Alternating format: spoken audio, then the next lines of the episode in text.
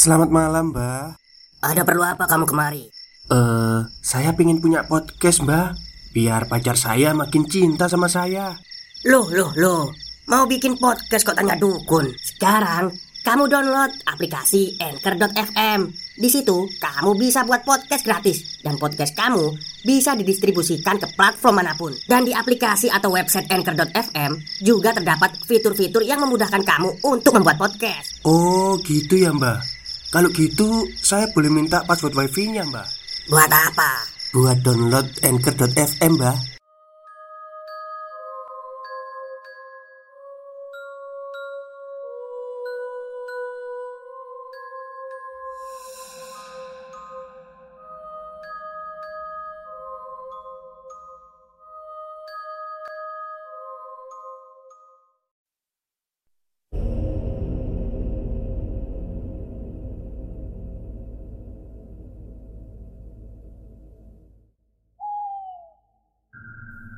Assalamualaikum warahmatullahi wabarakatuh. Halo semuanya, jumpa lagi dengan saya Chow Sing Sing, kurator dari Podcast Horror Night Story.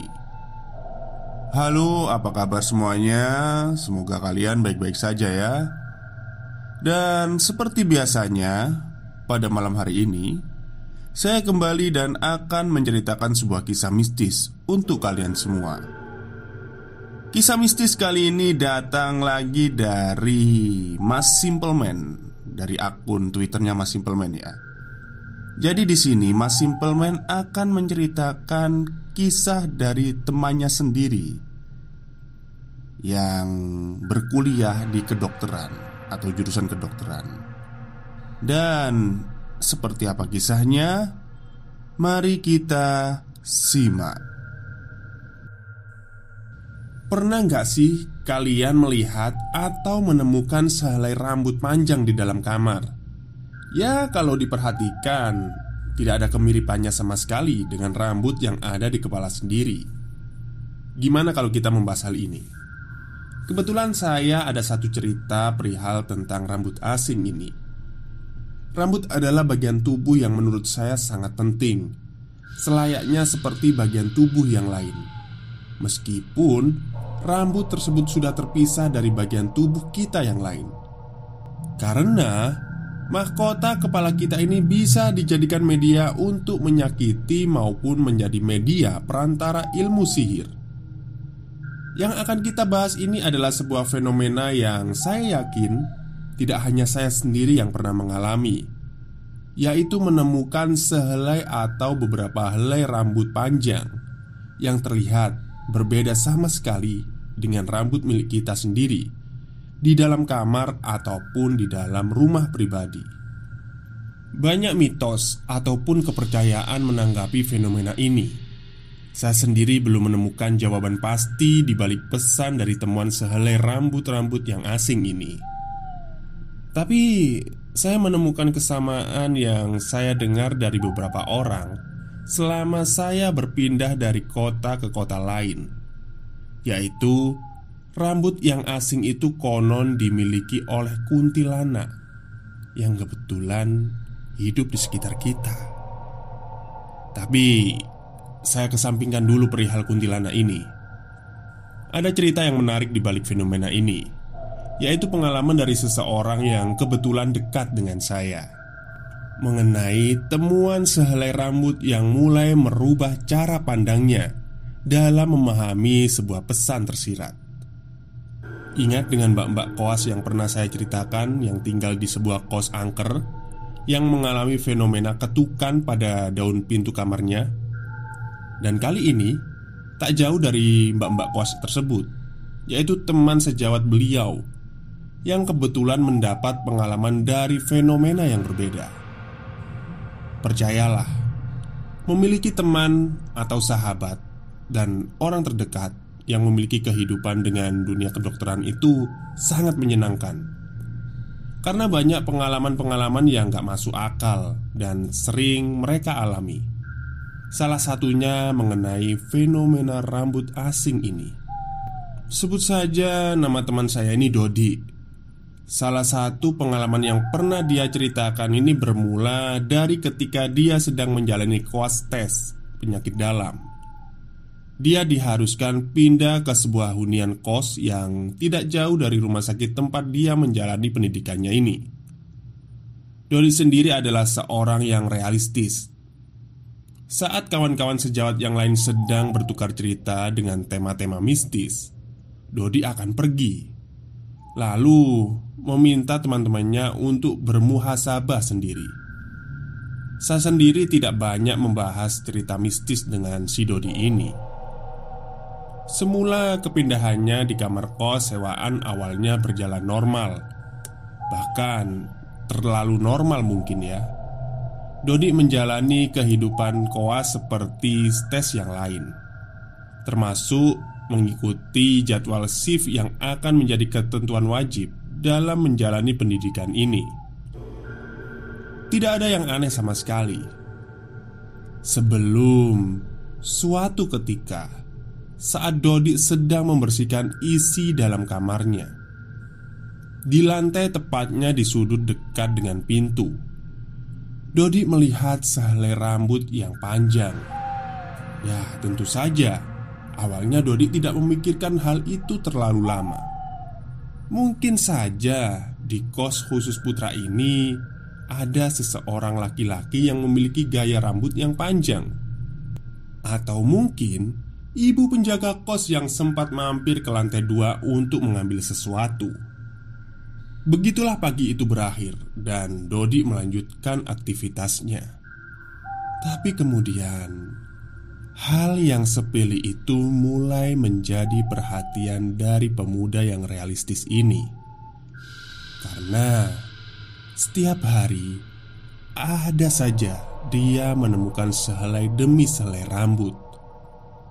Bahkan ada kalanya di bagian-bagian yang sulit untuk dijangkau oleh Dodi, dia menemukan gumpalan dari rambut yang bahkan tidak diketahui dari mana datangnya.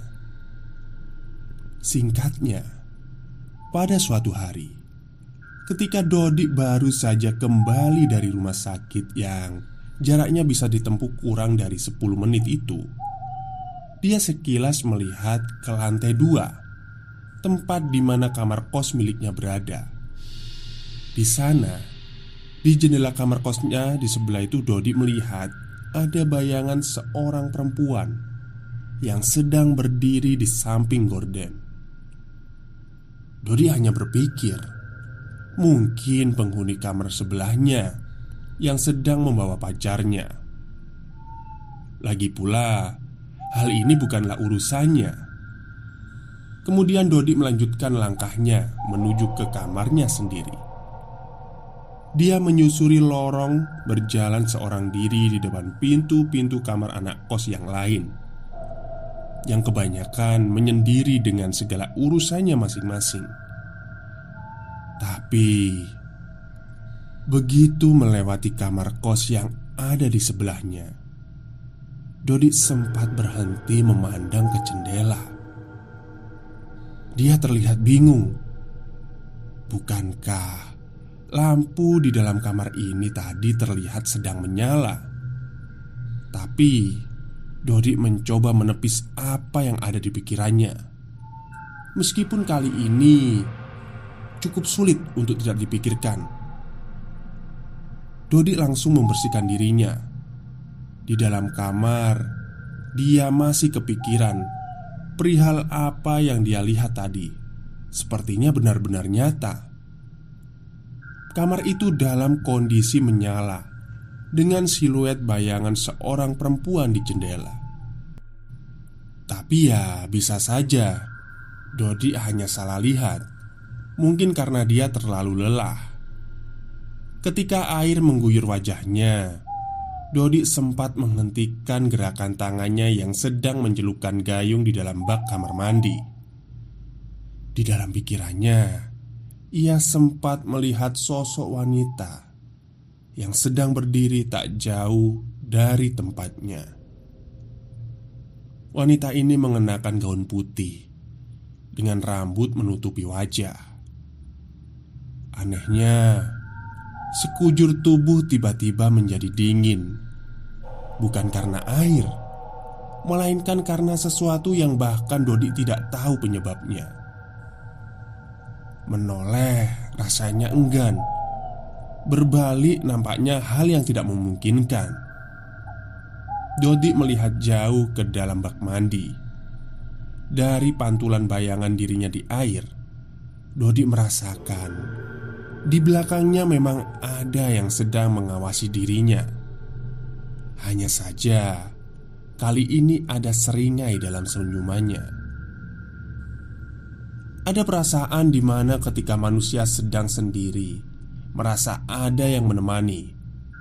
Hal ini yang benar-benar Dodi rasakan waktu itu. Tapi seiring berjalannya waktu ketika manusia dalam kondisi yang terpojok, maka dia akan melakukan apa pun untuk mengalahkan rasa takutnya.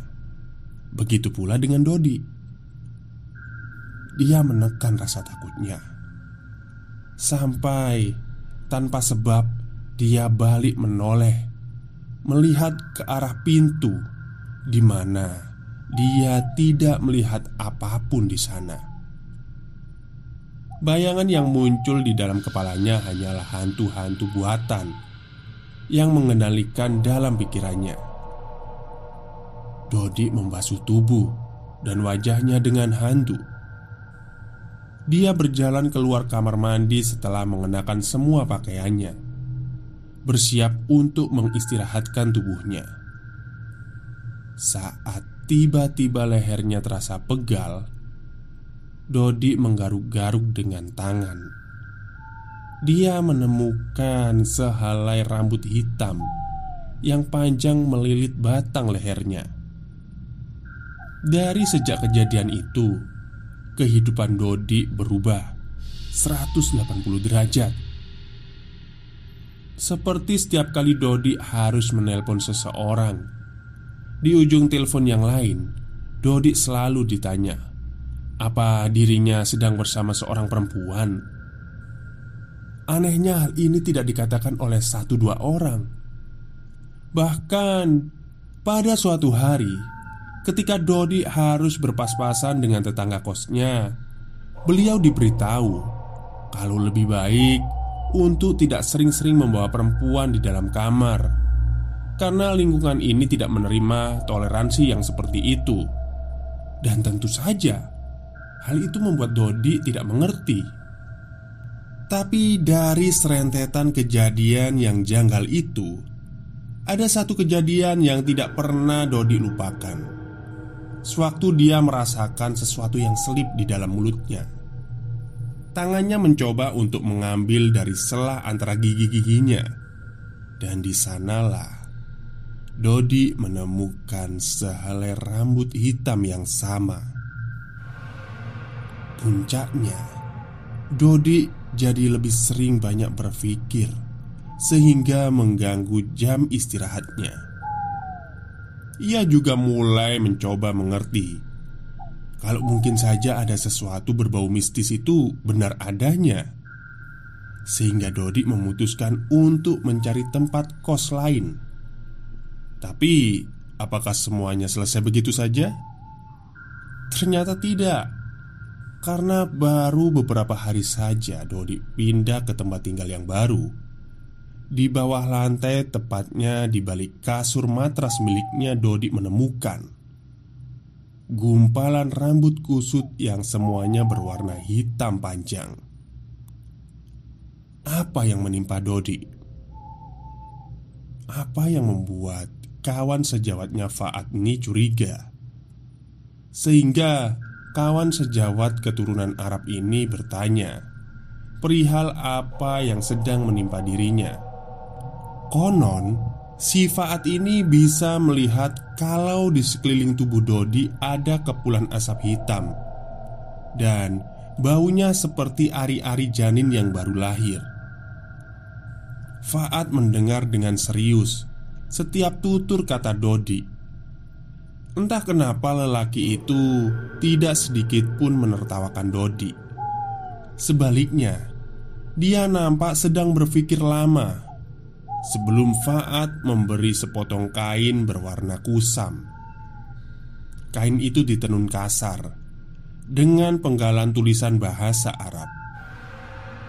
Faat berpesan kalau menemukan barang sehelai rambut yang aneh yang Dodi ceritakan tadi, agar dia meletakkan bagian rambut itu lalu melipatnya di dalam kain ini.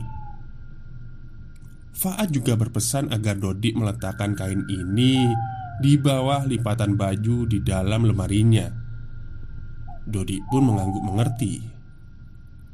Seperti yang sudah Dodi duga, di bawah lemari dia menemukan beberapa helai rambut yang dia cari. Dengan cepat dia melakukan seperti apa yang Faat tuturkan. Tetapi ada gejolak aneh waktu Dodi meletakkan sehelai rambut itu di dalam kain. Sekilas ada yang tertawa di telinganya. Malam itu jam 7 malam Dodi mengistirahatkan dirinya lebih awal. Entah kenapa sejak tadi badannya terasa panas. Dodi pun tidur dalam kondisi lampu menyala.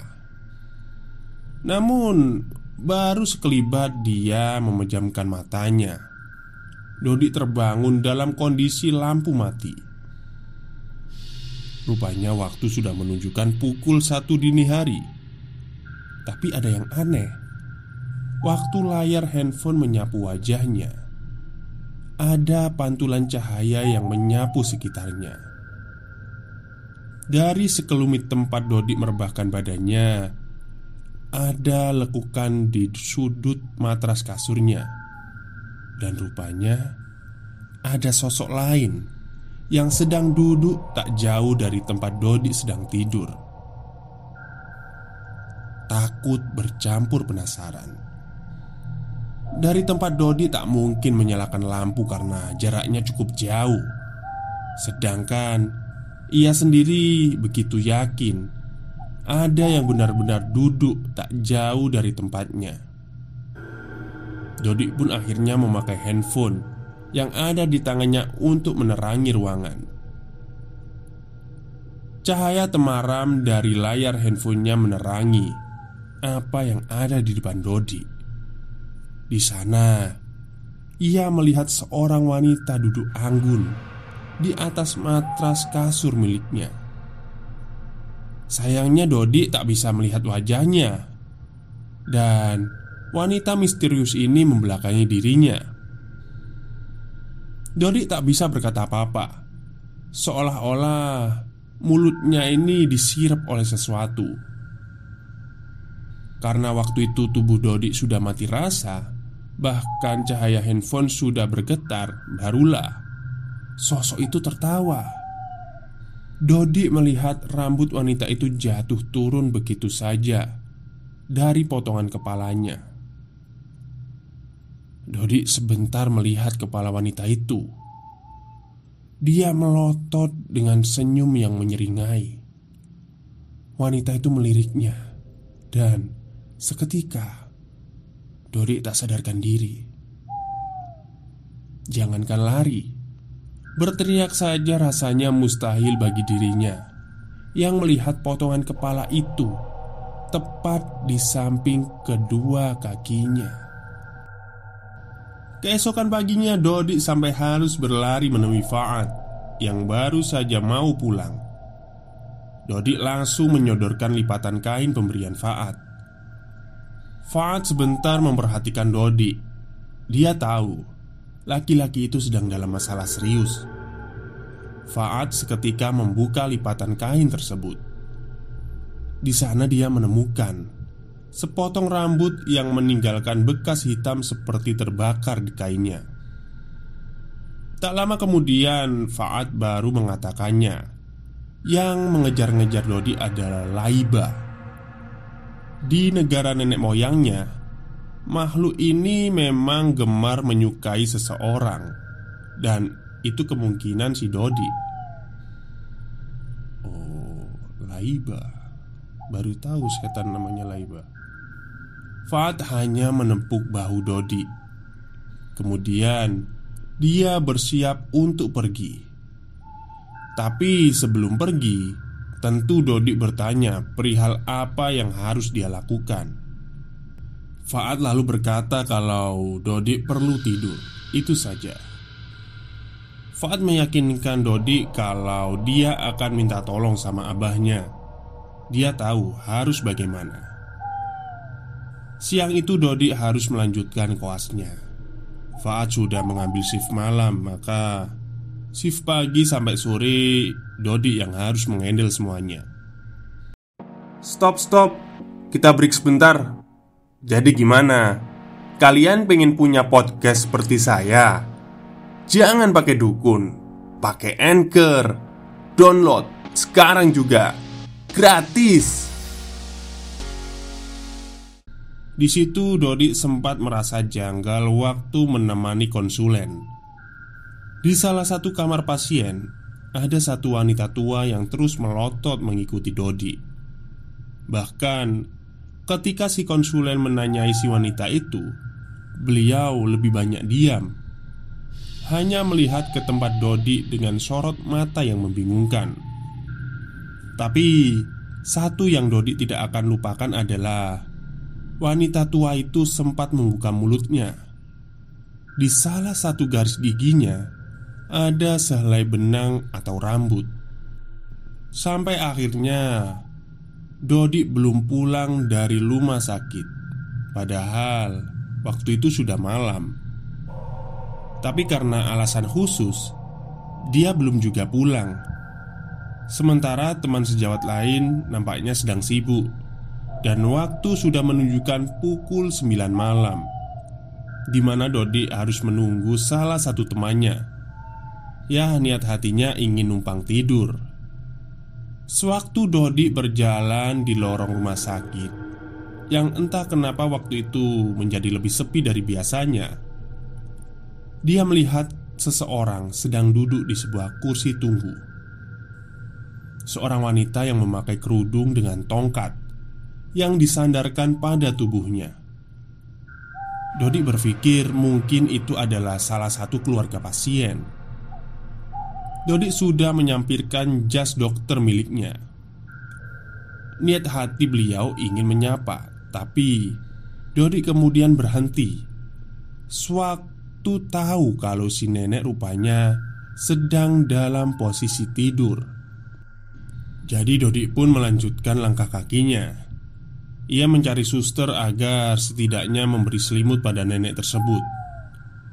Tapi dari langkah selewat itu, Dodi mencium aroma melati yang entah dari mana datangnya. Tapi Dodi tetap saja berjalan sendirian, dan tibalah dia di tikungan lorong saat sadar. Wanita tua yang sedang duduk itu kini menghilang begitu saja, dan seketika Dodi langsung merinding. Langkah kakinya lebih cepat dari biasanya. Bahkan Dodi setengah lari saat itu. Dan tiba-tiba Dia terhalang saat melewati ruangan yang sudah tidak ada seseorang di sana. Baju lengan Dodi ditarik begitu saja oleh seseorang. Dan ketika menoleh Wanita tua yang tadi Dodi lihat menatapnya Wanita tua yang ini adalah wanita tua yang Dodi lihat bersama konsulennya. Suster yang menjaga beliau lalu meminta si agar wanita tua itu melepaskan lengan baju Dodi. Tapi nampaknya si wanita tua itu tak dapat berbicara dengan jelas dan sedang seperti menjelaskan sesuatu kepada Dodi. Beliau beberapa kali menjambak rambutnya sendiri dengan satu tangan dan menarik-narik lengan Dodi. Petugas lain yang melihatnya kemudian ikut membantu, tapi si wanita tua itu lebih beringas. Dia hanya bisa bicara dengan suara serak, tidak ada intonasi seperti suara bayi yang meraung. Dodi tentu dia mengerti. Bahkan sewaktu mereka sudah berhasil menangkan si wanita tua itu, dan membawanya pergi, Dodi sempat melihat dia melirik Dodi sambil tersenyum yang tidak menyenangkan. Dia menunjuk-nunjuk dan kemudian Dodi pun angkat kaki pulang. Sebelum menuju ke tempat parkir itulah Dodi sempat berhenti sebentar Karena Di jalur kegawatan Dodi melihat satu ambulan Yang baru sampai. Dan Ketika petugas sudah mulai berkerumun datang Dodi melihat Di atas kereta pasien Ada wanita tua Yang sedang terbaring. Dan kondisi waktu itu tampaknya sangat urgent Wanita yang sedang terbaring itu adalah wanita tua yang baru saja Dodi lihat di lorong rumah sakit. Dodi seketika mematung sebentar melihat itu semua. Ia buru-buru lari sambil menelpon teman sejawatnya. Nampaknya pulang ke tempat kos sama saja dengan bunuh diri. Sampailah Dodi di tempat kontrakan temannya, sebut saja namanya Anggi. Dia sempat melihat kedatangan Dodi dari lantai dua. Tak lama setelah dia turun, Anggi justru melihat ke arah mobil Dodi dengan tatapan yang aneh. Dodi pun akhirnya ikut melihat. Ketika dia ditanya ada apa, Anggi bilang, "Di kursi sebelah Dodi tadi dia melihat ada wanita rambutnya panjang sedang duduk dan dia kira Dodi datang dengan seseorang." Dodi yang mendengar hanya tersenyum canggung dan lagi-lagi bulu kuduknya berdiri. Tibalah waktu mandi. Dodi sudah melepaskan semua pakaiannya. Dikontrakan rumah si Anggi menggunakan shower. Berge berbeda dengan kos tempatnya. Nah, pada waktu itu suara handphone si Dodi menyala. Ketika diangkat, rupanya telepon dari si Faat. Faat bilang agar kalau nanti ketika Dodi mandi Dia menggunakan ember saja. Jangan pakai ubin mandi seperti kos tempatnya. Katanya Hal ini dilakukan agar Dodi lebih tenang saja. Tak hanya itu Nanti malam Faat mau bicara serius karena hal ini mendesak Dodi yang mendengarnya sempat melihat ke arah shower Yang memancurkan air. Tapi setelah handphone ditutup Dodi berusaha nampak biasa saja. Apa yang dikatakan Faat tentang bak mandi bawah Rasanya mengada-ngada. Mungkin saja anak itu sedang mengerjainya. Selain itu Kenapa waktunya bisa pas ketika dia sedang mandi? Jadi sewaktu Dodi membasuh tubuhnya Air turun dari tas kepala sampai ujung kakinya. Lama-lama, di bagian kulit punggungnya, Dodi seperti merasakan ada yang menyentuhnya menggunakan ujung jari, lembut dari atas leher sampai pinggang. Tapi Dodi masih belum yakin. Bisa saja itu air. Tapi lama-kelamaan rasanya bukan seperti sentuhan lagi, tapi seperti ada benda kasar yang menggelayut dari atas ke bawah. Dodi merasakan sentuhan benar-benar mengganggu. Dodi pun berhenti. Sempat mematikan air shower, namun waktu dia menoleh, tidak ada siapa pun di sana. Dodi pun menyelesaikan semuanya. Ia mengambil pakaian miliknya di kamar, Anggi sedang menonton televisi di ruang tengah. Hanya ada satu kamar tempat Dodi sedang membereskan pakaiannya. Ketika dia mau menyampirkan jas kedokterannya, Dodi melihat ada yang aneh pada saku bagian bawahnya. Ia pun merogohnya dengan satu tangannya, dan ketika benda itu ditarik, Dodi termangun diam sebelum berteriak dan membuat Anggi sampai harus berlari datang ke sana melihat Dodi melempar jas kedokterannya.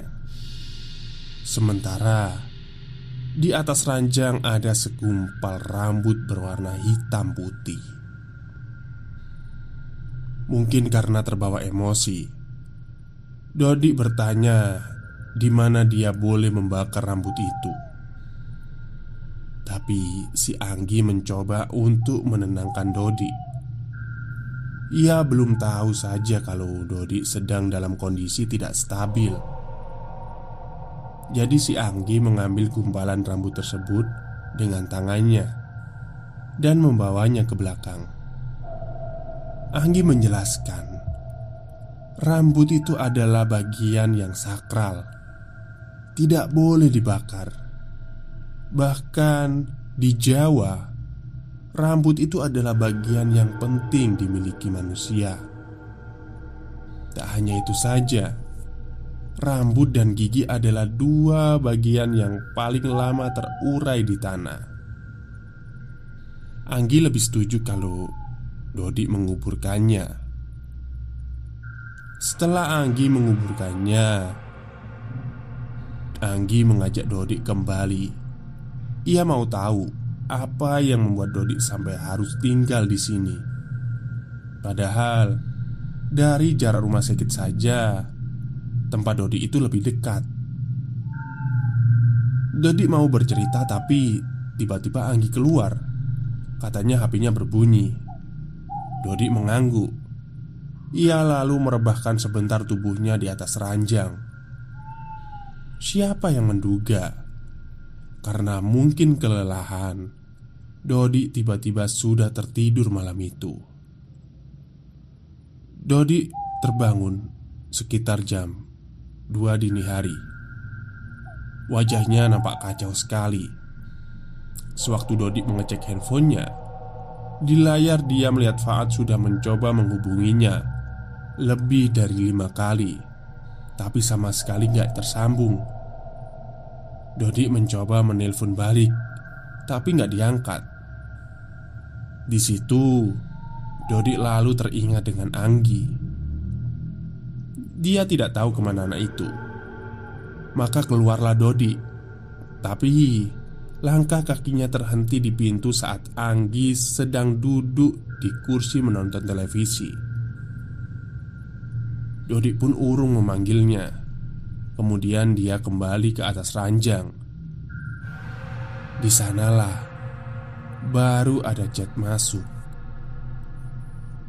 Anggi berkata kalau dia harus jaga malam. Tapi Niat hati ingin membangunkan Dodi buat berpamitan tidak enak Karena Dodi seperti kelelahan Anggi sendiri koas yang berbeda rumah sakit dengan Dodi Itulah alasan tempat mereka terpaut jauh Seketika Dodi merasa lemas. Apalagi suara TV masih terdengar di ruang tengah. Dodi hanya diam saja waktu itu. Badannya seperti mati rasa. Menunggu Entah apa yang bahkan di dalam kepalanya tidak terfikirkan apa pun. Suara TV kemudian mati Dodi melihat bayangan di bawah kursi. Dan waktu itulah Terlihat seperti ada yang berdiri di balik pintu kamarnya. Dalam kondisi yang nyaris membuat Dodi tak bisa berkata apa-apa. Dodi melihat layar handphonenya. Faat menelpon dirinya. Faat sudah mau memaki Tapi Dodi lalu menceritakan kondisinya Kemudian Faat bilang kepada Dodi untuk tetap tenang Santai saja Tidak perlu gerusak-gerusuk Dia menyuruh Dodi untuk sholat malam dahulu menenangkan hati. Faad juga memberitahu apa saja yang harus Dodi lakukan. Di sini, Faad memberitahu Dodi kalau agar sholat biar khusyuk, karena hati yang seperti ini rawan sekali diganggu. Dodi pun menurut.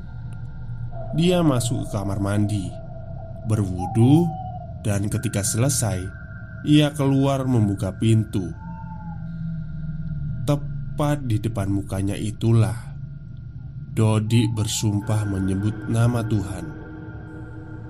Dia menyaksikan seorang wanita yang kulitnya putih seperti tepung. Rambutnya panjang sampai menyentuh lantai. Dalam kondisi duduk di atas ranjang, melihat Dodi yang sebelumnya sudah membentangkan sajadah di samping ranjang tempat dia duduk menyisir rambutnya. Faat benar, malam ini harus selesai. Dodi segera menuntaskannya. Meski rasanya tak bisa khusyuk karena bagaimanapun hati Dodi masih terbayang wujudnya. Tapi dia mampu menyelesaikannya. Setelah itu seperti yang dikatakan Faat Dia mengambil sapu dan membersihkan kamar itu Sambil membaca apa yang diajarkan oleh Faat Ada beberapa helai rambut yang panjang dan pendek. Entah ada yang milik Dodi atau Anggi Atau sesuatu yang lain Semua dibuntal di dalam kertas Lalu Dodi menguburkannya di halaman belakang tapi Dodi sempat tersentak sewaktu melihat ada seorang wanita tua yang sedang berdiri di sana. Wanita tua itu adalah wanita yang sama dengan Dodi yang temui rumah sakit. Dia yang menarik-narik lengan Dodi. Wanita tua itu cuma berdiri, tidak menampakkan wujud yang membuat Dodi takut. Setelah itu, baru Dodi kembali dan tidak lupa membasuh kedua kakinya. Habis itu Dodi kembali tidur. Lalu, bagaimana wujud wanita yang Dodi lihat tadi? Dia duduk tepat di samping kepala Dodi, membelai rambut Dodi, terus membelai. Fat bilang, keesokan pagi semuanya akan selesai tidak akan ada lagi yang mengikuti Dodi. Ketidakpercayaannya yang awal memancing makhluk itu, kesialan yang sama sekali tidak pernah dia duga, dan benar. Keesokan paginya, Dodi terbangun. Dia melihat Anggi baru saja pulang dengan wajah lelah. Dodi tidak menceritakan perihal apa pun. Pagi itu Dodi kembali ke kamar kos miliknya. Di atas ranjang miliknya Dia menemukan apa yang dikatakan oleh Faat. Ada tiga putik kembang kantil. Dodi memunggutnya satu persatu Lalu menguburkannya. Setelah itu Dodi kembali pindah ke tempat kos yang baru Kali ini dirinya merasa tenang Kembang kantil itu adalah tanda kalau Laiba melamarnya. Kalau Dodi membuangnya begitu saja artinya dia menerimanya namun berbeda kalau dia menguburkannya. Sebuah penolakan yang halus agar Laiba tidak lagi mengikuti dirinya. Pasca bertemu dengan Faat, dia menceritakan ada nenek-nenek kemarin yang meninggal. Sempat ada insiden dengan Dodi. Kebetulan ketika detik terakhir si nenek itu pergi, Faat diberitahu. Segumpal rambutnya diselipkan di saku jas dokternya. Kalau Dodi tahu Rambut itu seharusnya dia simpan. Karena nenek itu seperti tahu ajalnya tiba. Dan Cara terakhir yang bisa dia lakukan sebagai ucapan terima kasih diterima di rumah sakit ini adalah menemani Dodi dari Laiba. Tapi ya, sudahlah. Semua sudah selesai. Kuas tes pun sudah berakhir. Pada kuas berikutnya, tes lain, suatu hari Dodi menemukan selai rambut lagi. Kali ini berwarna putih panjang. Dodi hanya diam saja sebelum menguburkannya di dalam tanah. Tidak apa-apa karena manusia memang hidup berdampingan dengan mereka. Terima kasih sudah membaca tweet ini sampai tuntas. Sampai bertemu lagi di kesempatan lain. Mohon maaf kalau ada salah kata dan kekurangan. Sekali lagi, saya ucapkan dari lubuk hati yang paling dalam. Matur nuwun. Oke, terima kasih kepada Mas Simpleman yang sudah menceritakan kisah mistis temannya dalam Twitter. Panjang sekali ya, sampai tenggorokan dan bibir saya kering. Dan memang sering ya dalam sehari-hari kita menemukan selai rambut entah itu di bantal atau di kasur kebanyakan sih di situ ya atau di lantai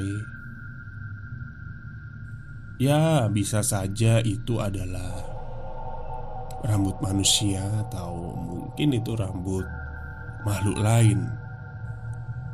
Dan kalau saya baca dari awal sampai akhir, si Dodi ini di di apa ya ibaratnya itu di bukan ditakuti ya disenengi sama disukai sama si hantu ini karena dia tidak percaya dengan keberadaan makhluk halus ya bisa ya bisa diganggu juga kalau gitu. Dan saya baru tahu ada setan yang namanya laiba. Mungkin itu bahasa Arab mungkin ya, karena si Faat ini temannya Dodik kan dari Arab katanya. Bahasa Jawanya mungkin kuntilanak. Oke, mungkin itu saja yang bisa saya sampaikan pada malam hari ini. Kurang lebihnya saya mohon maaf sekali. Semoga kalian suka dengan cerita saya Dan Jangan lupa Saya sudah lama gak bilang ya Klik tombol subscribe Untuk mendengarkan cerita mistis dari saya selanjutnya. Terima kasih. Wassalamualaikum warahmatullahi wabarakatuh